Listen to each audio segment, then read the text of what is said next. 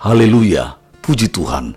Tinggal sepertiga bagian lagi, kita akan menyelesaikan program pembacaan Alkitab audio setahun, yaitu selama 365 hari. Suatu pembacaan yang disesuaikan dengan jadwal rencana baca dari Back to the Bible Chronological Reading Bible. Tetap semangat untuk terus mendengarkan firman-Nya. Tuhan Yesus memberkati. Inilah mendengarkan firman Tuhan hari ke-275. Injil Matius Matius pasal 1 Inilah silsilah Yesus Kristus, anak Daud, anak Abraham. Abraham memperanakkan Ishak, Ishak memperanakkan Yakub, Yakub memperanakkan Yehuda dan saudara-saudaranya. Yehuda memperanakkan Peres dan Serah dari Tamar. Peres memperanakkan Hesron. Hesron memperanakkan Ram. Ram memperanakkan Aminadab. Aminadab memperanakkan Nahason. Nahason memperanakkan Salmon. Salmon memperanakkan Boas dari Rahab. Boas memperanakkan Obed dari Rut, Obed memperanakkan Isai, Isai memperanakkan Raja Daud, Daud memperanakkan Salomo dari istri Uria, Salomo memperanakkan Rehabeam, Rehabeam memperanakkan Abia, Abia memperanakkan Asa, Asa memperanakkan Yosafat, Yosafat memperanakkan Yoram Yoram memperanakkan Usia. Usia memperanakkan Yotam. Yotam memperanakkan Ahas. Ahas memperanakkan Hiskia. Hiskia memperanakkan Manasye. Manasye memperanakkan Amon. Amon memperanakkan Yosia. Yosia memperanakkan Yekonia dan saudara-saudaranya pada waktu pembuangan ke Babel. Sesudah pembuangan ke Babel, Yekonia memperanakkan Sealtiel. Sealtiel memperanakkan Serubabel. Serubabel memperanakkan Abihud. Abihud memperanakkan Eliakim. Eliakim memperanakkan Asor. Asor memperanakkan Sadok. Sadok memperanakkan Akim. Akim memperanakkan Eliud. Eliud memperanakkan Eliasar. Eliasar memperanakkan Matan. Matan memperanakkan Yakub. Yakub memperanakkan Yusuf suami Maria yang melahirkan Yesus yang disebut Kristus. Jadi seluruhnya ada empat belas keturunan dari Abraham sampai Daud. Empat belas keturunan dari Daud sampai pembuangan ke Babel dan empat belas keturunan dari pembuangan ke Babel sampai Kristus. Kelahiran Yesus Kristus adalah seperti berikut. Pada waktu Maria, ibunya, bertunangan dengan Yusuf, ternyata ia mengandung dari roh kudus sebelum mereka hidup sebagai suami istri. Karena Yusuf suaminya seorang yang tulus hati dan tidak mau mencemarkan nama istrinya di muka umum, ia bermaksud menceraikannya dengan diam-diam. Tetapi ketika ia mempertimbangkan maksud itu, malaikat Tuhan nampak kepadanya dalam mimpi dan berkata, Yusuf, anak Daud, janganlah engkau takut mengambil Maria sebagai istri, sebab Anak yang di dalam kandungannya adalah dari Roh Kudus. Ia akan melahirkan anak laki-laki, dan engkau akan menamakan dia Yesus, karena dialah yang akan menyelamatkan umatnya dari dosa mereka. Hal itu terjadi supaya genaplah yang difirmankan Tuhan oleh Nabi. Sesungguhnya anak darah itu akan mengandung dan melahirkan seorang anak laki-laki. Dan mereka akan menamakan dia Immanuel, yang berarti Allah menyertai kita. Sesudah bangun dari tidurnya, Yusuf berbuat seperti yang diperintahkan malaikat Tuhan itu kepadanya. Ia mengambil Maria sebagai istrinya, tetapi tidak bersetubuh dengan dia sampai ia melahirkan anaknya laki-laki, dan Yusuf menamakan dia Yesus. Lukas pasal 2 Pada waktu itu, Kaisar Agustus mengeluarkan suatu perintah menyuruh mendaftarkan semua orang di seluruh dunia. Inilah pendaftaran yang pertama kali diadakan sewaktu Quirinius menjadi wali negeri di Syria. Maka pergilah semua orang mendaftarkan diri, masing-masing di kotanya sendiri.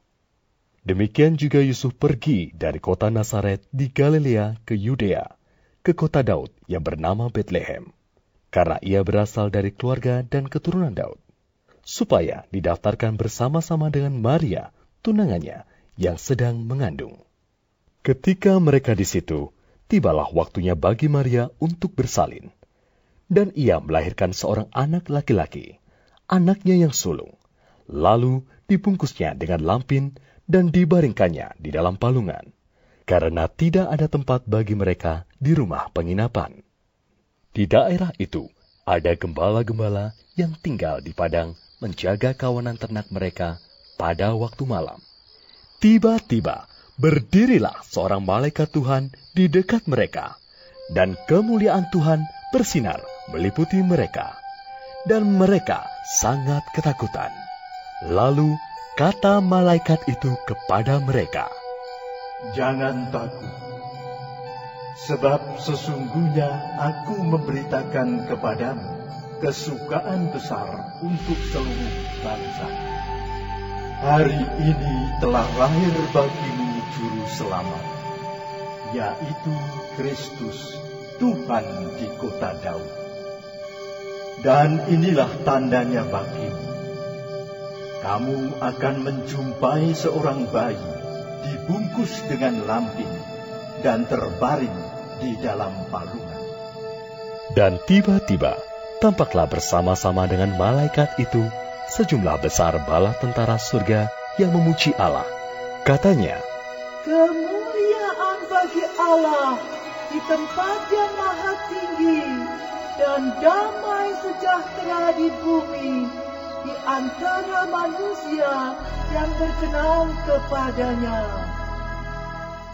Setelah malaikat-malaikat itu meninggalkan mereka dan kembali ke sorga, gembala-gembala itu berkata seorang kepada yang lain, Marilah kita pergi ke Bethlehem untuk melihat apa yang terjadi di sana, seperti yang diberitahukan Tuhan kepada kita. Lalu mereka cepat-cepat berangkat dan menjumpai Maria dan Yusuf dan bayi itu yang sedang berbaring di dalam palungan. Dan ketika mereka melihatnya, mereka memberitahukan apa yang telah dikatakan kepada mereka tentang anak itu. Dan semua orang yang mendengarnya heran tentang apa yang dikatakan gembala-gembala itu kepada mereka. Tetapi Maria menyimpan segala perkara itu di dalam hatinya dan merenungkannya. Maka kembalilah gembala-gembala itu sambil memuji dan memuliakan Allah karena segala sesuatu yang mereka dengar dan mereka lihat semuanya sesuai dengan apa yang telah dikatakan kepada mereka. Dan ketika genap delapan hari dan ia harus disunatkan, ia diberi nama Yesus, yaitu nama yang disebut oleh malaikat sebelum ia dikandung ibunya. Dan ketika genap waktu pentahiran, menurut hukum Taurat Musa, mereka membawa dia ke Yerusalem untuk menyerahkannya kepada Tuhan, seperti ada tertulis dalam hukum Tuhan. Semua anak laki-laki sulung harus dikuduskan bagi Allah. Dan untuk mempersembahkan korban menurut apa yang difirmankan dalam hukum Tuhan, yaitu sepasang burung tekukur atau dua ekor anak burung merpati. Adalah di Yerusalem seorang bernama Simeon. Ia seorang yang benar dan saleh yang menantikan penghiburan bagi Israel. Roh Kudus ada di atasnya, dan kepadanya telah dinyatakan oleh Roh Kudus bahwa ia tidak akan mati sebelum ia melihat Mesias, yaitu Dia yang diurapi Tuhan. Ia datang ke bait Allah oleh Roh Kudus. Ketika Yesus, anak itu dibawa masuk oleh orang tuanya untuk melakukan kepadanya apa yang ditentukan hukum Taurat. Ia menyambut anak itu dan menatangnya sambil memuji Allah. Katanya, Sekarang Tuhan, biarkanlah hambamu ini pergi dalam damai sejahtera, sesuai dengan firmanmu. Sebab mataku telah melihat keselamatan yang daripadamu, yang telah engkau sediakan di hadapan segala bangsa, yaitu terang yang menjadi penyataan bagi bangsa-bangsa lain dan menjadi kemuliaan bagi umatmu Israel. Dan bapa serta ibunya amat heran akan segala apa yang dikatakan tentang dia. Lalu Simeon memberkati mereka dan berkata kepada Maria, ibu anak itu, Sesungguhnya anak ini ditentukan untuk menjatuhkan atau membangkitkan banyak orang di Israel, dan untuk menjadi suatu tanda yang menimbulkan perbantahan, dan suatu pedang akan menembus jiwamu sendiri, supaya menjadi nyata pikiran hati banyak orang. Lagi pula, di situ ada Hana, seorang nabi perempuan, anak Fanuel dari suku Asher. Ia sudah sangat lanjut umurnya. Sesudah kawin, ia hidup tujuh tahun lamanya bersama suaminya. Dan sekarang, ia janda dan berumur 84 tahun. Ia tidak pernah meninggalkan bait Allah dan siang malam beribadah dengan berpuasa dan berdoa. Dan pada ketika itu juga, datanglah ia ke situ dan mengucap syukur kepada Allah dan berbicara tentang anak itu kepada semua orang yang menantikan kelepasan untuk Yerusalem. Tetap semangat, teruskanlah mendengarkan firman Tuhan. Sampai jumpa esok